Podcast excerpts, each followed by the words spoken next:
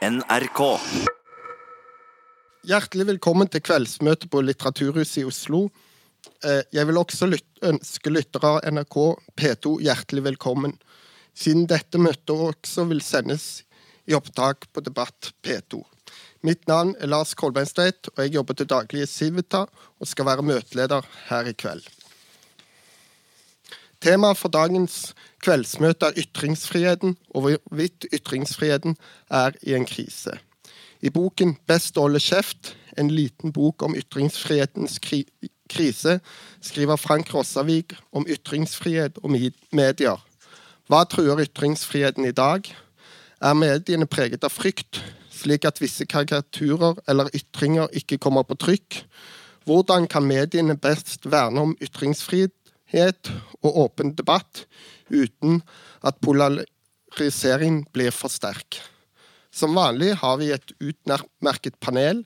Frank, eh, nevnte Frank Rossavik er selvfølgelig med oss. Han er forfatter og til daglig aviskommentator i Aftenposten.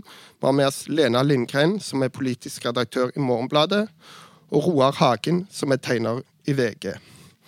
Vi starter med å, eh, et lite intervju eller en diskusjon med deg, eh, Frank Rossavik. Og vil bare først spørre deg eh, hva slags bok er det du har skrevet, og hvorfor har du skrevet denne boken? Ja, Utgangspunktet mitt er at ytringsfriheten alltid har vært svært viktig for meg personlig. Den har vært eh, viktig for at jeg eh, utvikler meg til det, til det jeg håper er et individ, og ikke en kopi av andre. Og det er et viktig poeng for meg at eh, dette er en viktig eh, funksjon i ytringsfriheten. At den gjør det mulig for mennesker å utvikle en egen identitet. Eh, Så er, jo, eh, så er jo ytringsfriheten selvfølgelig veldig viktig som grunnlag for demokratiet. Eh, Og også som en sikkerhetsventil eh, for folk som føler seg marginalisert føler seg utenfor, altså svake grupper, som kanskje har eh, ytringen som den eneste måten de kan si fra eh, overfor makthavere med. Så det er eh, utgangspunktet. Og så har jeg jo også sagt at eh, jeg mener at ytringsfriheten er i krise. Og den kommer til syne på flere måter. Eh, En av de eh, er at, at vi har flere eh, autoritære makthavere i dag som eh, vil ha eh, mindre eh, av liberale friheter, bl.a. ytringsfrihet. Donald Trump er en av de. Eh, Viktor Orban i Ungarn er en av de. Eh, Vladimir Putin i Russland og, og Recep Tayyip Erdogan i eh, Tyrkia er også eksempler. Eh, Den andre store utfordringen er jo det man kan ofte kalle for identitetspolitikken. Denne utviklingen, særlig i USA, for at eh, minoriteter av ulike slag eh, blir eh, stadig mer opptatt av å verne seg mot kritikk utenfra og mot impulser utenfra, i, i verste fall. Det er en eh, utvikling som ikke har kommet så langt i Norge ennå, men som er eh, sterk eh, spesielt i USA. Og Da handler det om at eh, folk eh, ikke får lov å ytre seg fordi det anses som eh, fornærmende for, eh, for grupper, og terskelen for hva som anses fornærmende er veldig lav noen ganger. Og Den tredje utfordringen av flere er det misbruket av ytringsfriheten som vi ser på deler av den ytre høyresiden, eh, spesielt i eh, sosiale medier og i, eh, i såkalte nye medier. Så la det være en liten innledning. Ja, vi kan jo gripe fast i det siste der du sier med, at ytre høyre misbruker ytringsfriheten. Altså, hva, hva legger du i det? Jeg legger i det at eh, den blanke rasismen er jo tydeligere og mer synlig i dag enn før. Eh, og eh, det skyldes ikke nødvendigvis at det er flere rasister enn før, fordi det, jeg tror snarere det er tvert imot. Men eh, rasismen er mye mer tydelig fordi at de som eh, har det, denne grunnleggende mangelen på respekt for eh, folk av en annen hudfarge og av en annen herkomst, slipper mye lettere til eh, i, eh, i, i, i mediebildet. Noe som selvfølgelig i det store bildet er en positiv ting, men akkurat på dette feltet er en negativ ting. Det er ett eksempel. Jeg kunne godt nevne flere. Ja, du, eh, Vi skal ikke bruke altfor lang tid på det uh, under dette møtet, det kan vi gjerne, men vi kan gjerne ta det opp etter, uh, senere i, i dag. Men, men, men, dette med, med karikaturstriden skriver jo du en del om, og særlig siden du jobbet i Bergenstidene før. Eh, har det vært et problem, særlig i, i kjølvannet av karikaturstriden, at mediene ikke har vært tydelige nok på å og, og, og, være åpne om hvorfor man eventuelt ikke trykker karikaturer. Altså at man har lulla seg inn i eller bortforklart hvorfor man, man, eventuelt ikke trykker visse karikaturer, da særlig karikaturer av profeten Mohammed. Ja, altså eh, jeg mener jo at det er nokså opplagt at en veldig tilbakeholdende linje i norske medier den gangen mot å publisere karikaturene først og fremst hadde å gjøre med frykt for eh, voldelige reaksjoner. Det kunne man ikke si så godt, fordi at det å si at man lot være å publisere av frykt for vold, ville jo eh, implisitt være en, en, innrømmelse av én eh, type svakhet som mediene ikke kan tillate seg. Nemlig å, å bøye seg for den typen trusler eh, i forsvaret av grunnleggende rettigheter. Så det har vært et problem. Et annet problem har vært at um, det har oppstått en, uh, en uh, kultur i uh, kjølvannet av karikaturstriden for å unngå karikaturer av religiøs makt. Ikke bare for islam, men langt på vei også for kristendom og jødedom. Og og, og, det at den um, taushetskulturen, hvis man skal kalle det for det, oppsto, var med på, etter min oppfatning, å legge grunnlaget for eh, attentatet på Charlie Hebdo i 2014, eh, var det vel. Da elleve tegnere ble eh, drept og tolv andre skadd i et islamistisk attentat på et satireblad i Paris. Og Grunnen til at jeg mener det er en sammenheng der, er at um, Charlie Hebdo på det tidspunktet var blitt omtrent det eneste seriøse magasiner i Europa som fortsatt Eh, publiserte karikaturer av eh, islam som religiøs makt, ved siden av at de også eh, publiserte karikaturer om kristendommen og andre typer makt. Ja, altså da vil du da kanskje Antyder du da at det er et problem at ikke flere medier trykker det, sånn at du på en måte kunne spredd den tyngden det er å, å, å, å trykke karikaturer? Og, og, og, I tillegg til det lurer jeg på om, om du kan sånn utdype dette med at eh, hvis man ikke innrømmer fra mediehold at man, man, frykter vold, er det da en fare for at man eh, eh, brunbeiser eller, eh, eh, eh, eller setter de som våger å trykke, at de lettere blir assosiert med f.eks. ytre høyre, som du kritiserte i stad? Ja, Det er iallfall et, et visst problem der. fordi Når man ikke kan oppgi det som jeg tror var den reelle begrunnelsen, altså frykt for vold, så måtte man jo eh, finne på andre begrunnelser som kanskje ikke var like reelle. og En, en av de var jo at disse eh, tegningene på en utilbørlig måte eh, eh hetsa en minoritet. Eh, noe som jo kan eh, oppfattes som en form for brunbeising, for å svare direkte på det spørsmålet.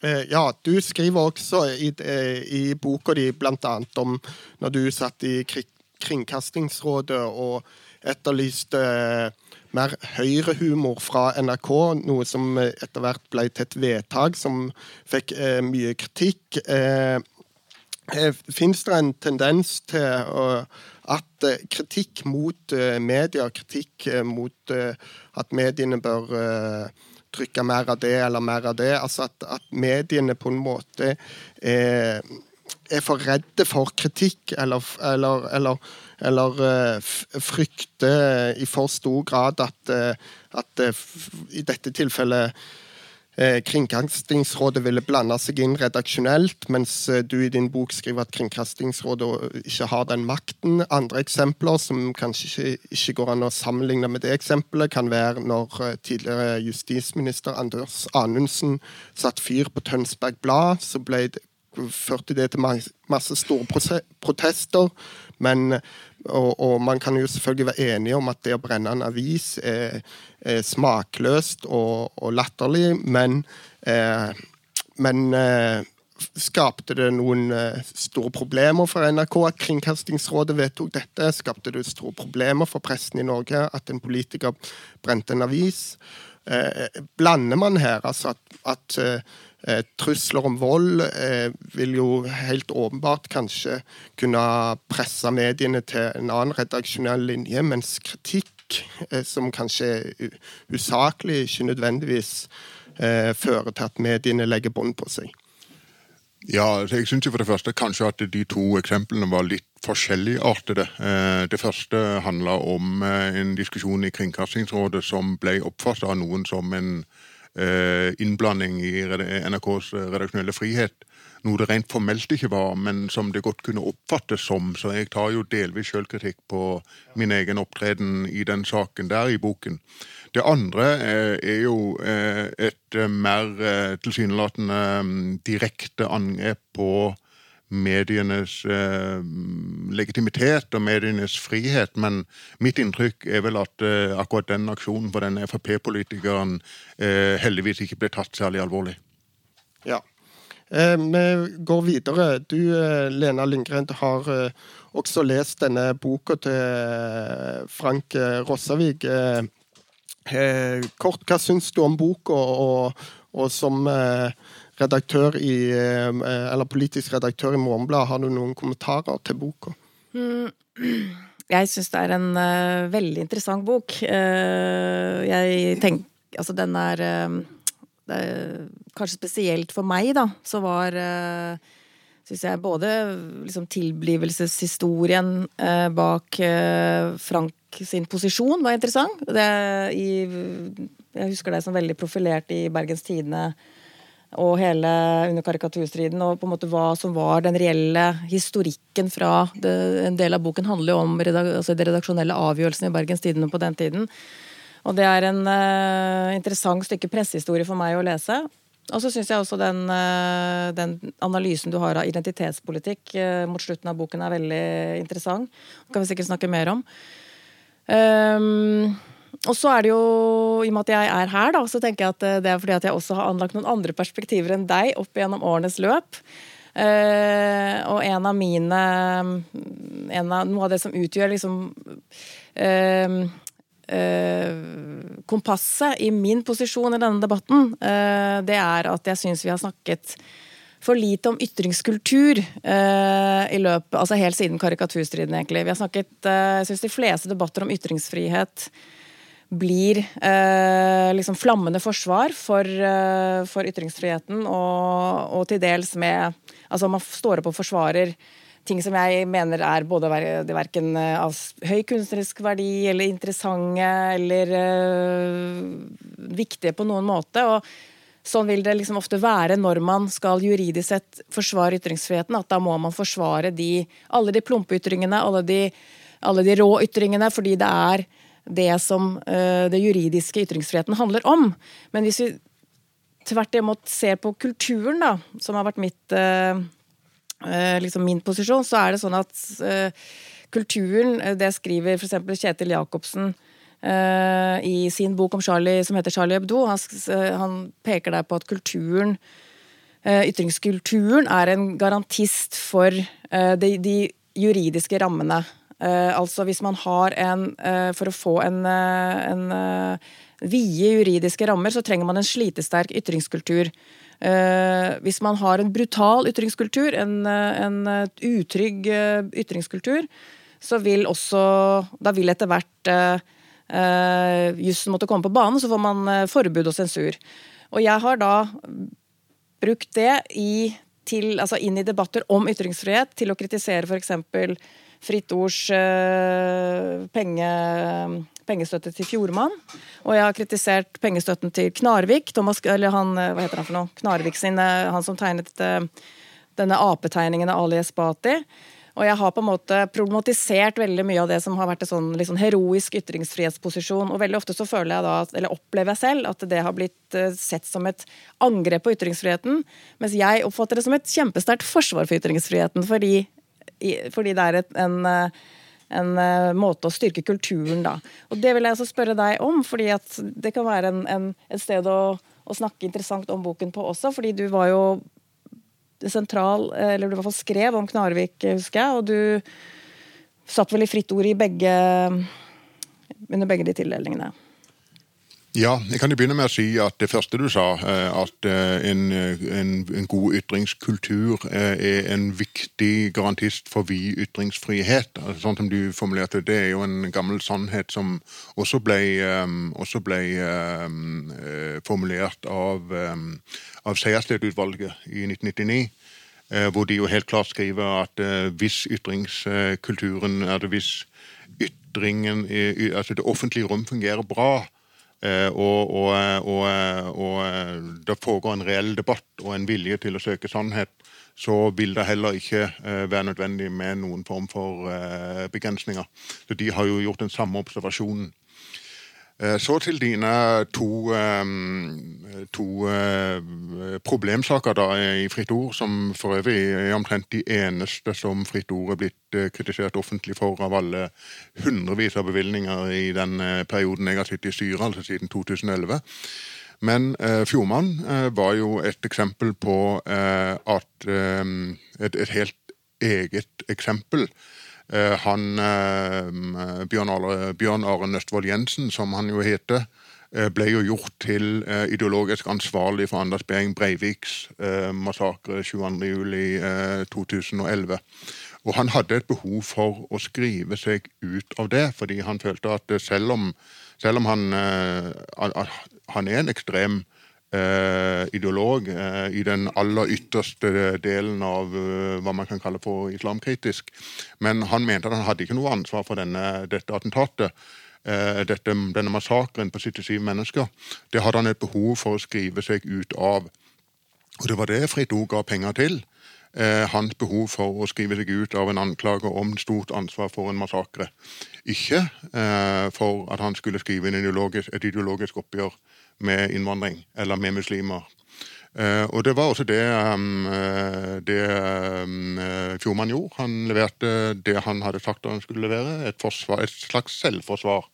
Som er ganske kjedelig, og ikke spesielt opphissende i, uh, ifølge de som har lest det. Jeg har bare skumlest det.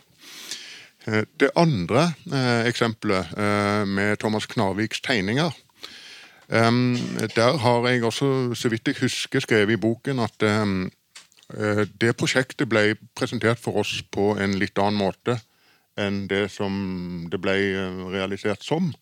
Eh, denne tegningen, denne apetegningen var ikke med i det materialet som ble skissert for oss.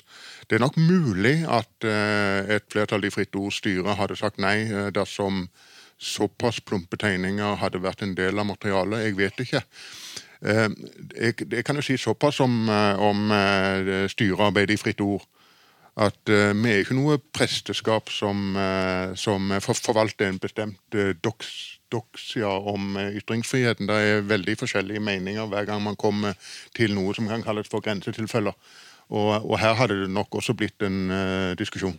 Ja, For å bare bite fast i det siste der, og det kan kanskje du, Lena Lindgren, òg svare på. Er ikke det når man f.eks. i en fritt ordforstand eh, eh, anseende gir støtte, er det ikke en viss fare for at, eh, at eh, når man gir støtte til personer som blir oppfatta så kontroversielle, så kan de over tid, og det er du jo inne på i boka ellers òg, Frank, at en del mennesker du har uh, forsvart ytringsfriheten til på et senere tidspunkt, kanskje går over en grense, og kanskje det går over i rasisme osv., men vil ikke det være en, en helt uh, en naturlig del av en utvikling, og at hvis fritt ord f.eks. skal være føre var, så vil jo det bli veldig problematisk. Og jeg vil gjerne at du og Lena kommenterer akkurat det. Kan begynne med Lena, kanskje, og så Frank. Mm.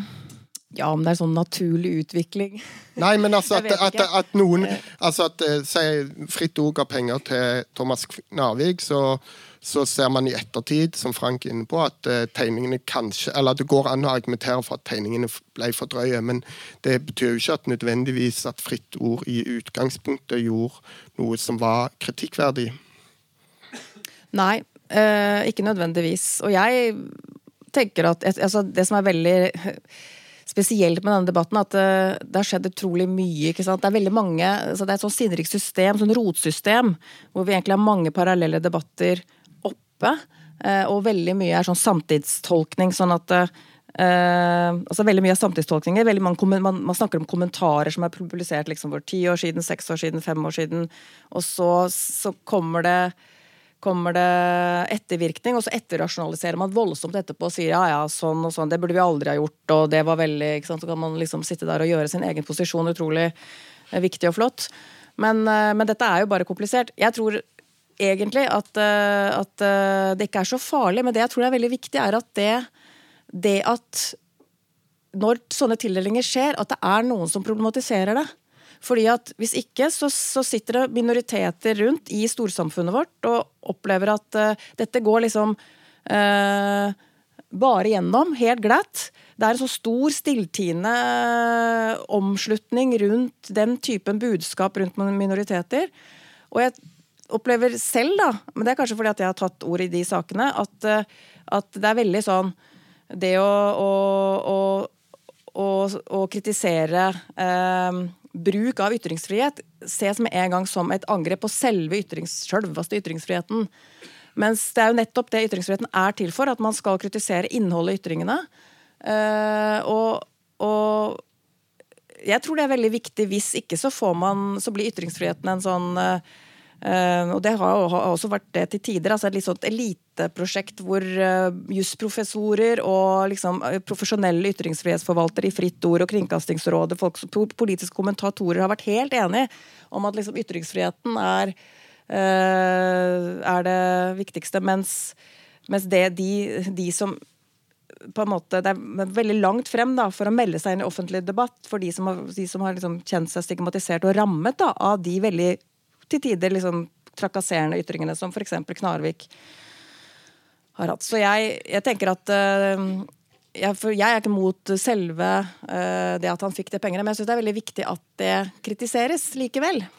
Ja, Frank, har du en kort ja, kommentar? Vil, jeg, jeg, vil gjerne utdype litt her. fordi Du kan jo bare forestille dere eh, hvis en ytringsfrihetsstiftelse som Fritt Ord eh, ikke ville, ha, ville støtte en ung tegner som ønsker å, å utvikle eh, te, eh, nye tegninger om makt, bl.a. religiøs makt, men ikke bare religiøs makt. Altså, eh, det, Hvis det er noe vi virkelig skal gjøre, så er det å ta en sånn sjanse en gang iblant. Eh, og, jeg og, jeg mener jo at vi tar for få sånne sjanser. Vi er at Fritt Ord kanskje er litt for redd for den typen kritikk som, uh, som Lena Lindgren uh, kom med. Eh, og det, det, det, skjer absolutt ikke for ofte. Som, som, sagt, jeg har sittet i styret siden 2011, og dette er de to eneste sakene vi er kritisert for av eh, bevilgninger. Og det flyter ut eh, syv, åtte, ni millioner på hvert styremøte, og vi har syv styremøter i året. Så vi kunne nok ha tatt flere sjanser enn vi gjør. Ja, da er det interessant at vi har med oss tegneren Roar Hagen her, eh, og du lytter altså til P2 Debatt fra Litteraturhuset i Oslo, der det diskuteres ytringsfrihet og Frank Rossaviks siste bok. Roar Hagen, eh, du har også lest denne boka og ser dette fra et sånn tegnerperspektiv. Hva, har du noen tanker om denne boka? Ja, jeg vil jo først eh, takke Frank Rossavik for at han har tatt bryet med å skrive denne boka. Det er en veldig tung materie, og spesielt nå Unnskyld. I den tida vi lever i, så er det et, et eh, maratonløp og en eh, fantastisk prestasjon. Takk for det, Frank. Eh, jeg hadde jo ikke trodd når jeg satsa på dette i ungdommen, at det skulle bli av en sånn kraft at pennen kunne skape en nasjonal krise. Så jeg, jeg vil gjerne gå kort gjennom hva er en karikatur. Vi kan dele det i to. Vi har propagandakarikaturen det tidligste eksempelet som jeg kjenner til, er fra reformasjonen, hvor eh, datidens berømteste kunstner i Tyskland, Lukas Kranak, gikk i Luthers tjeneste og lagde karikaturer av pavekirken. Det var en slik karakter at eh, det var f.eks. paven som blir født ut av djevelens anus og slike ting. Eh, ting som vi har vanskeligheter med i dag. Vi, vi, kjenner også karikaturen misbrukt av Der størmer under krigen og 30, på 30-tallet. og i kommunistisk propaganda osv. for å stigmatisere og demonisere grupper. Enten om det er politisk ukorrekte eller, eller eh, jøder da, som det verste eksempelet. Men hovedsporet for å forstå karikaturen er demokratiet. Det knytter seg til demokratiet og opplysningstiden. Og da begynner vi i England. Uh, på 1700-tallet med Hogarth og Gilray som framfører en veldig krass kritikk av samfunnsforhold. Og Det gikk i rette med befolkningens drukkenskap og uansvarlighet osv. Og, så og de publiserte på egen hånd og brukte trykkefriheten til dette. Og de trykte sine egne plakater osv. Eh, når demokratiet da eh, bredde seg, så ble dette en naturlig del av pressen. I Norge var det da vittighetspressen som først Eh, kunne eh, si, fasilitere karikaturer. Og Ibsen var jo i sin ungdom karikaturtegner. Han begynte som det. Eh, karikaturen har fulgt demokratiet fra den første begynnelsen og, og hatt denne egenskapen å kunne være med å definere samfunnsutviklingen. Da jeg begynte, så var det en helt naturlig skal vi si, lojalitet til ytringsfriheten. Eh, jeg tenkte, Skal jeg satse på dette? Er dette nyttig? Jeg er jo fra en protestantisk haugiansk tradisjon på Sunnmøre. Er dette nyttig arbeid? Eh, familien min syntes ikke det, men jeg tenkte ok, dette er verdt å bruke eh, yrkeslivet på. Jeg var så heldig å få jobbe for Sunnmørsposten, Stavanger Aftenblad og VG. Så når VGs første tegner var en av de aller første ansatte, Pedro Zalo Grenning, eller Salomon Goldfarb, som han heter, ble da henta fra eh, krigsveteranene eh, fra Normandie og satt inn som tegner. Og Vi hadde en stor tradisjon med, med Blix, Gulbrandsson, eh, Graff, Pedro osv. Imsland. Så jeg tenkte dette vil jeg gå inn i.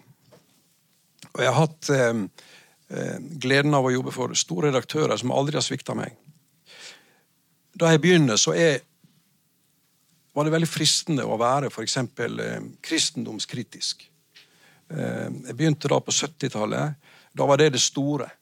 Kritisere religionen. Enhver teaterregissør eller forfatter eller tegner som kunne kritisere religionen, dvs. Si kristendommen, det ble da verdsatt som en, som en god provokasjon, eh, som en nyttig oppsetning, hva du vil. Um, det ble aldri noe for meg, fordi jeg hadde gått på søndagsskolen og hadde litt sånn respekt for uh, Vår Herre osv. Så, videre. så jeg falt aldri for den fristelsen. Det andre store du kunne vise, var nakenhet. Det som kunne vise nakenhet, det var dristig, moderne, framtidsrett. Så får vi karikaturstriden. Og hvis jeg skal sette litt på spissen, og det skal vi jo her, så veldig mange av de som var flittig og verdsatt religionskritikk osv., sprang og gjemte seg øyeblikkelig. Plutselig var det stue, ikke stuereint, det var eh, utidig provokasjon osv., og, så videre, og bildet var snudd helt opp ned. Eh, jeg oppdaget jo at den, den eh, yrkestittelen som jeg hadde, kunne, kunne, iverksette en nasjonal krise. Vi fikk et slags politisk kollaps, om du vil, hvor man fikk panikk, og norske ambassader brente osv. Det, det var jo til å forstå men det var jo en sjokkerende opplevelse. Eh, etter den tid har eh, debatten om ytringsfriheten eh, vært forvirra, overraskende, til dels skuffende, men også gledelig, i tilfelle Frank her, da, som har tatt seg det til bry. Også boka til Jacobsen var veldig viktig. Å være tegner i dag er ekstremt krevende. Eh, tidligere, når jeg laga en tegning, så sto den på trykk i en norsk avis. Den kom aldri lenger. Hvis jeg lager en tegning i dag, så blir den lest av all verdens folkeslag i Norge og i verden gjennom syndikalisering og spredning i sosiale medier. Det betyr enhver person kan prosjisere hva som helst inn i en tegning du lager, eller en tekst, for så vidt.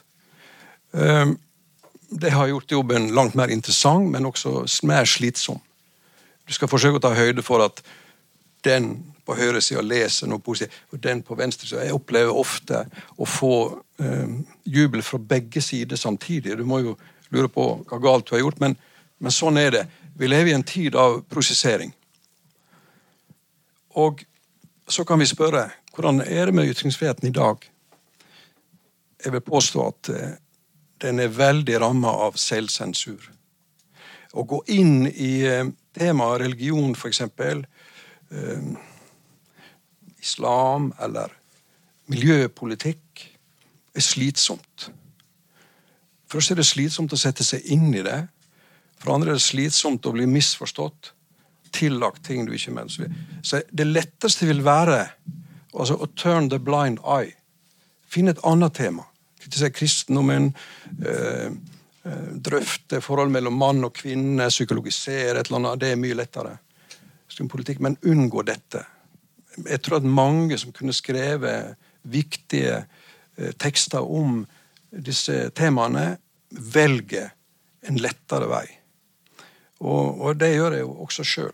Jeg har møtt Vestergaard. Westergård, jeg har møtt Wilks. Jeg kjente en av de eh, drepte i Charlie Hebdo. Jeg har ikke lyst til å sette livet over styr og måtte leve i et fengsel i mitt eget land. Og det er slik at uh, det er ikke loven som er problemet. Jussen i Norge er helt fin, den. Og, og, og når liksom, uh, borgerne skal beskyttes mot hat og slike ting, så, så er det helt greit. Loven eh, Jeg kan ikke kritisere den. Heldigvis så fikk vi ikke blasfemiloven, som de var i, i, i ferd med å vedta. Heller ikke redaktørene er et problem. Redaktørene som jeg har hatt, er fantastiske. Jeg opplevde jo at eh, pårørende til en eh, veldig sentral politiker tok kontakt med min eh, gamle redaktør og venn Versto og ville at han skulle instruere meg og, og framstille denne personen annerledes og, og, han sa som sant var at jeg skal selvsagt presentere dette for tegnerne, men jeg kan ikke love noe endring. Og, og sånn har det vært. Redaktørene er helt strøkne. Problemet er selvsensuren. Og den eter seg selvfølgelig inn. Og, og da tenker du på din egen komfort og sikkerhet osv., og, så videre, og så velger man andre tema. Så det er bare sikkerhet man tenker når man driver selvsensur, eller er det Ikke bare sikkerhet, men det er slitsomt, altså. Det, det er tungt. Og, og, faren for å fornærme og krenke folk. Du ønsker jo ikke det heller. Så er, er det det store dilemmaet mitt, eller tankestreken, om du vil.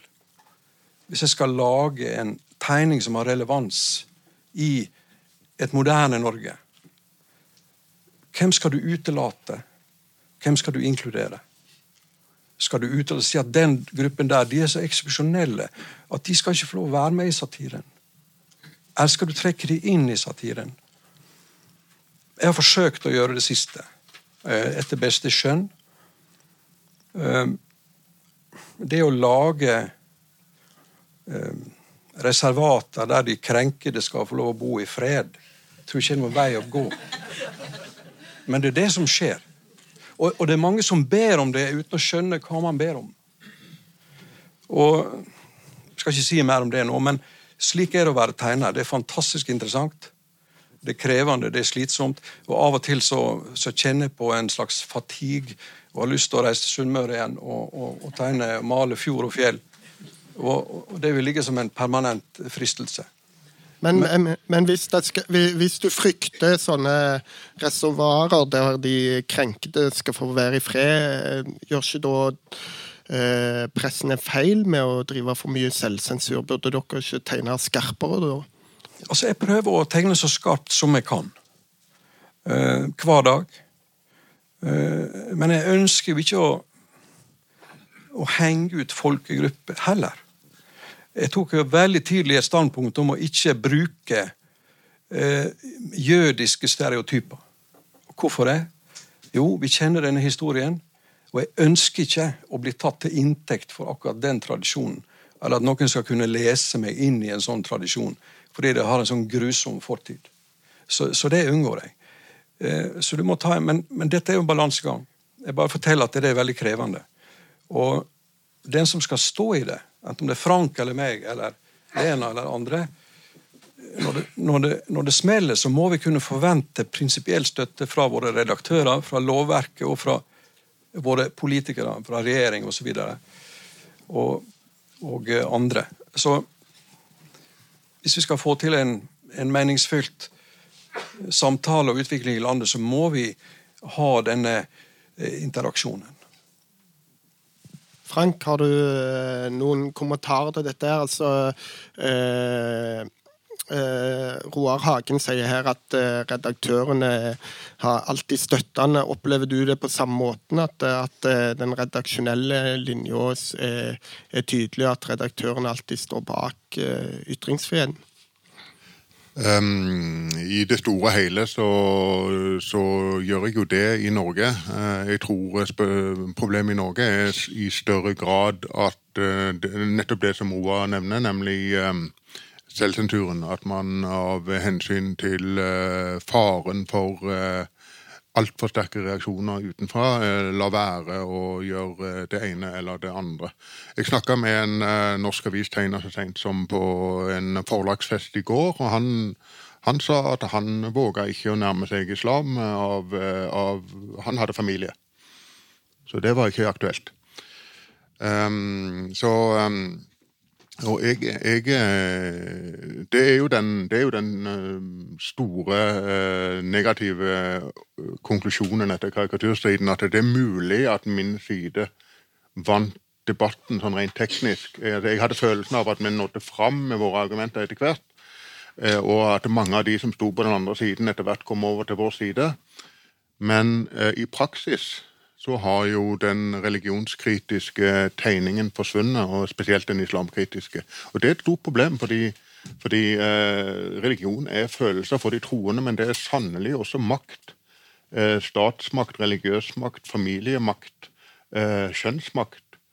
Eh, og, og, og hvis, hvis, den typen omfattende makt som religion representerer, ikke skal kunne utsettes for samme type kritikk som f.eks. ideologi og politikk, og, og, og, store selskaper, så har vi et problem. Det er, det er helt åpenbart. Ja. Eh, mange mener jo da at eh, debatten på en måte er mer polarisert nå enn før, og det er du òg inne på i boka di, Frank. Men eh, din bok er jo allerede diskutert en del i eh, norsk offentlighet og en del eh, anmeldelser, og noen snakker om at du eh, har bevega deg i spørsmålet om ytringsfrihet. Eh, at du kanskje får sterkere begrensninger på en eller annen måte nå enn før. Eh, men sånn leser ikke jeg de bok, og jeg vil gjerne at du skal kommentere på det. For jeg oppfatter deg mer som om at du på en måte understreker dette med at eh, når man tillater vide rammer på ytringsfriheten, så får vi et ordskifte som ikke er et, eh, ikke er et T-selskap, som du skriver i, i boka di.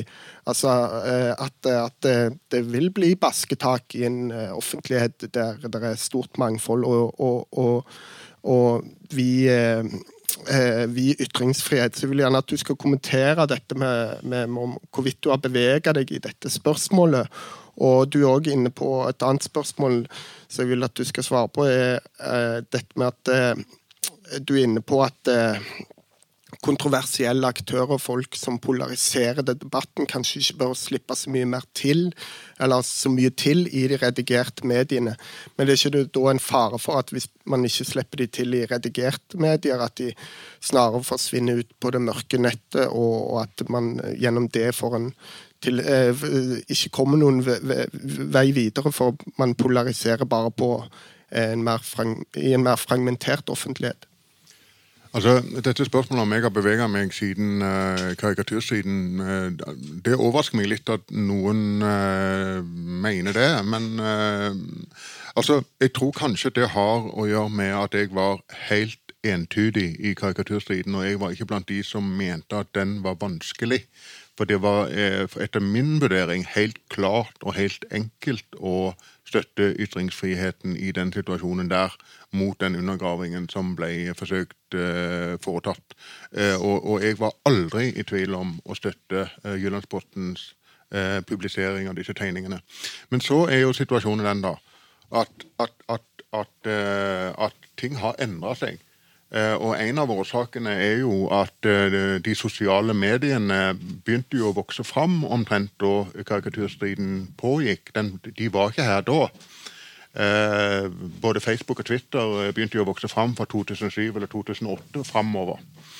Um, og, og, de, sammen med framveksten av såkalte nye medier, disse bloggene som gjerne vil oppfattes som seriøse nyhetskanaler, har jo endra bildet ganske kraftig. Det jeg noen ganger sier når jeg nå snakker om denne boka, det er jo at, at i ettertid så, så framstår jo karikaturstriden nesten idyllisk og, og, og, jeg vil jo på ingen måte uh, underdrive liksom, Jeg har jo snakka nå om hvor alvorlig den var, men uh, vi var iallfall på samme bane. Altså Lena og jeg som var uenige om dette, vi var iallfall enige om at ytringsfrihet var bra, og at hets av muslimer ikke var bra. Ja, det var vi enige om. Og så var, så var, vi litt, så var vi ikke bare litt, men ganske uenige om definisjoner og grenser. Men det var iallfall en, eh, en eh, Vi var iallfall i nærheten av hverandre. Og vi hadde et, de aller fleste deltakerne i den, i den, debatten hadde et ønske om å diskutere og å komme fram til en eller annen slags løsning eller utvikling i den diskursen, for å bruke et fint ord. I dag har jo det endra seg. I dag er det ingen enighet om at ytringsfrihet er bra.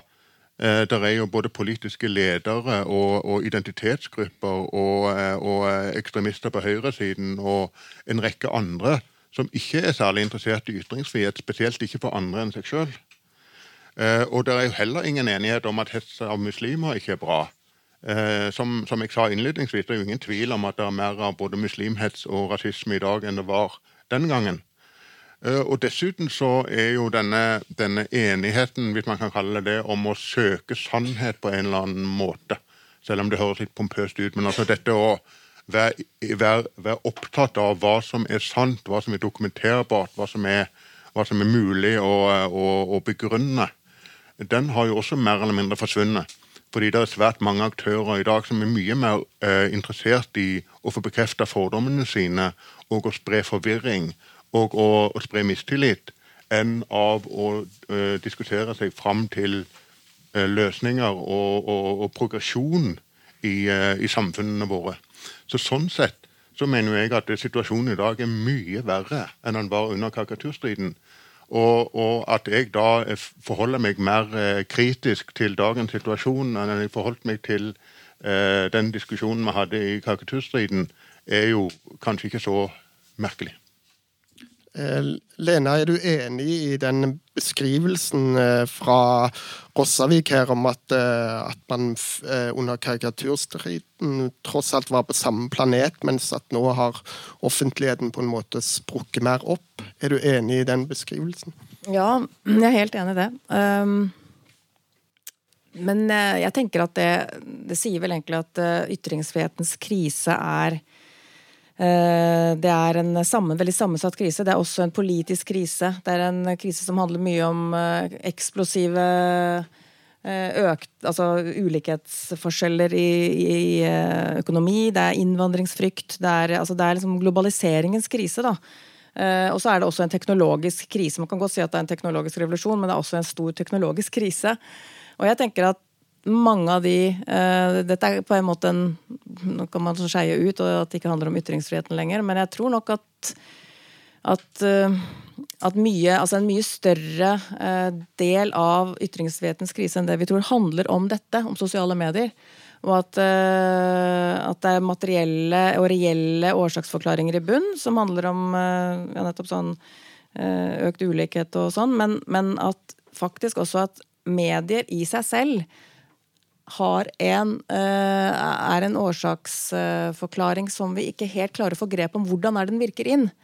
Og når du snakker, sier i sted at eh, ytringsfriheten er så viktig for å bli et, menneske, et selvstendig menneske som ikke imiterer andre, så er sosiale medier og det ytringsrommet man har i sosiale medier, et veldig interessant eksempel på at det er det motsatte. For at hele, altså hele logikken i sosiale medier er bygget på imitasjon, egentlig. Altså egentlig mangel på identitet. Man sitter og, og kopierer og, og, og massereproduserer. Det er derfor det blir så sånn, utrolig mange massebevegelser hele tiden også. Altså man, eh, alt blir til enten det er bompengeopprør eller, eh, eller um, metoo eller uh, Altså så blir det så, så, så, så, er dette en sånn lik og del-logikk som som, føler, som, som, på en måte fjerner oss veldig langt fra opplysningstidens idealer om identitetsutvikling og, og liksom eh, autonomi og klare, rolige samtaler. Det er eh, et eller annet rart er det som skjer her, at når det ytringsrommet blir på en måte grenseløst, så forsvinner også selvstendigheten. Eh, sånn at jeg tror på en måte at noe av det viktigste medier kan gjøre, norske medier f.eks., det er å prøve å ta kontroll Altså ta tilbake sitt eget uh, uh, medierom. Og ikke bare kjøre alt gjennom, gjennom Facebook, f.eks. For, eksempel. for i dag er man jo egentlig helt økonomisk avhengig av Facebook for å overleve. Uh, prøve å få lesere tilbake. det er nesten for sent, ikke sant? men det er egentlig en, en viktig ytringsfrihetssak, da. Eh, Roar, er du enig i dette med at eh, offentligheten er blitt så mye mer fragmentert nå enn under karikaturstriden? Og eh, vil gjerne at du svarer på det. Og det andre er, siden du er avistegner, eh, har vi et problem med at eh, man på en måte ikke blir opplært til at man må tåle å bli utsatt for noe som kanskje kan oppleves som krenkende. Altså, du snakket om at på 70-tallet, når du var avistegner, så var det veldig populært å, å karikere religion, og da spesielt kristendom. Og det har jo, ført, eh, kan, har jo vært med på å bidra til en utvikling. Sant? Det er jo veldig mange som eh, pga. at eh, kristne, kristen makt har blitt mindre, så er det mange individer sant? som har bl.a. homofile og kvinner og så videre, som har, føler seg friere nå enn før. Er ikke det et problem at man, du, du, sier at du ikke vil støte folk, men er det ikke noen andre du da lar være å forsvare? Aller først, Det er jo ikke tvil om at offentligheten er blitt mer fragmentert. Det er jo ingen tvil om. Og Det kunne jo være fristende å, å slutte med til det Lena sier, at vi kunne liksom ta tilbake makta. Men det blir som å få kaviaren inn igjen på, på tuba. Det er vanskelig.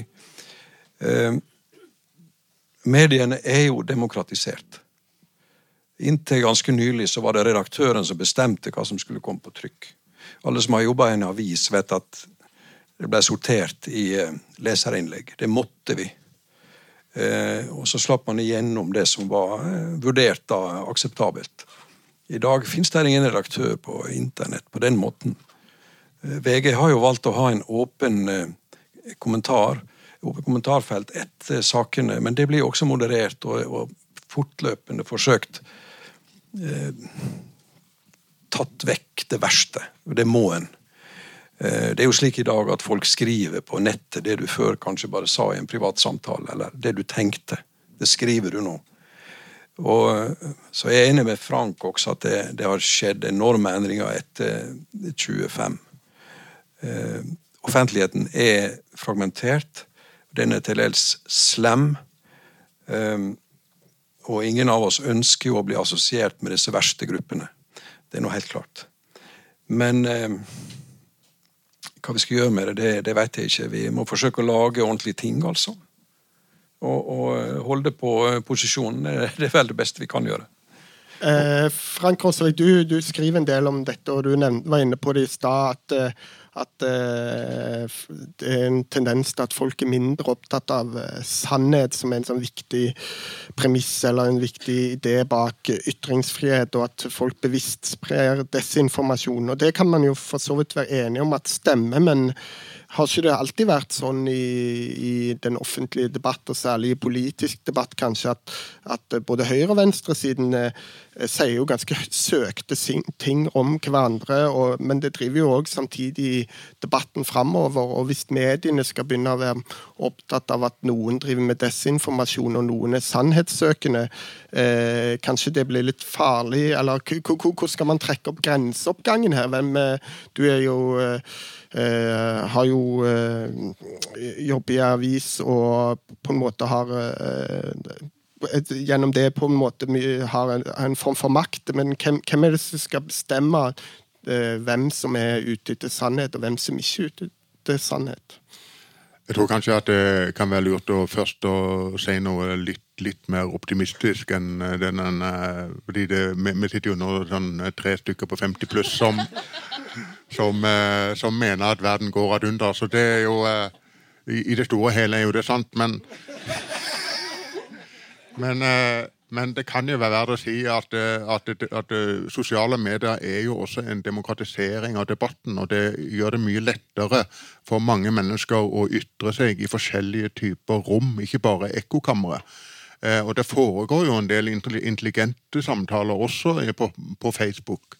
Og, og, og det, det, er jo tross alt Uh, mye, mye, bra. For, for meg som hørselshemma så er jo sosiale medier en mulighet til å snakke, sammen, snakke med andre mennesker på like fot. Altså, det vil si, Jeg trenger ikke høre hva folk sier, det er nok å si hva de, se, se hva de sier. Så uh, la, nå, la, nå, det være sagt at det er ikke bare negativt med, med sosiale medier, og jeg tror ikke vi får avskaffa internett. Men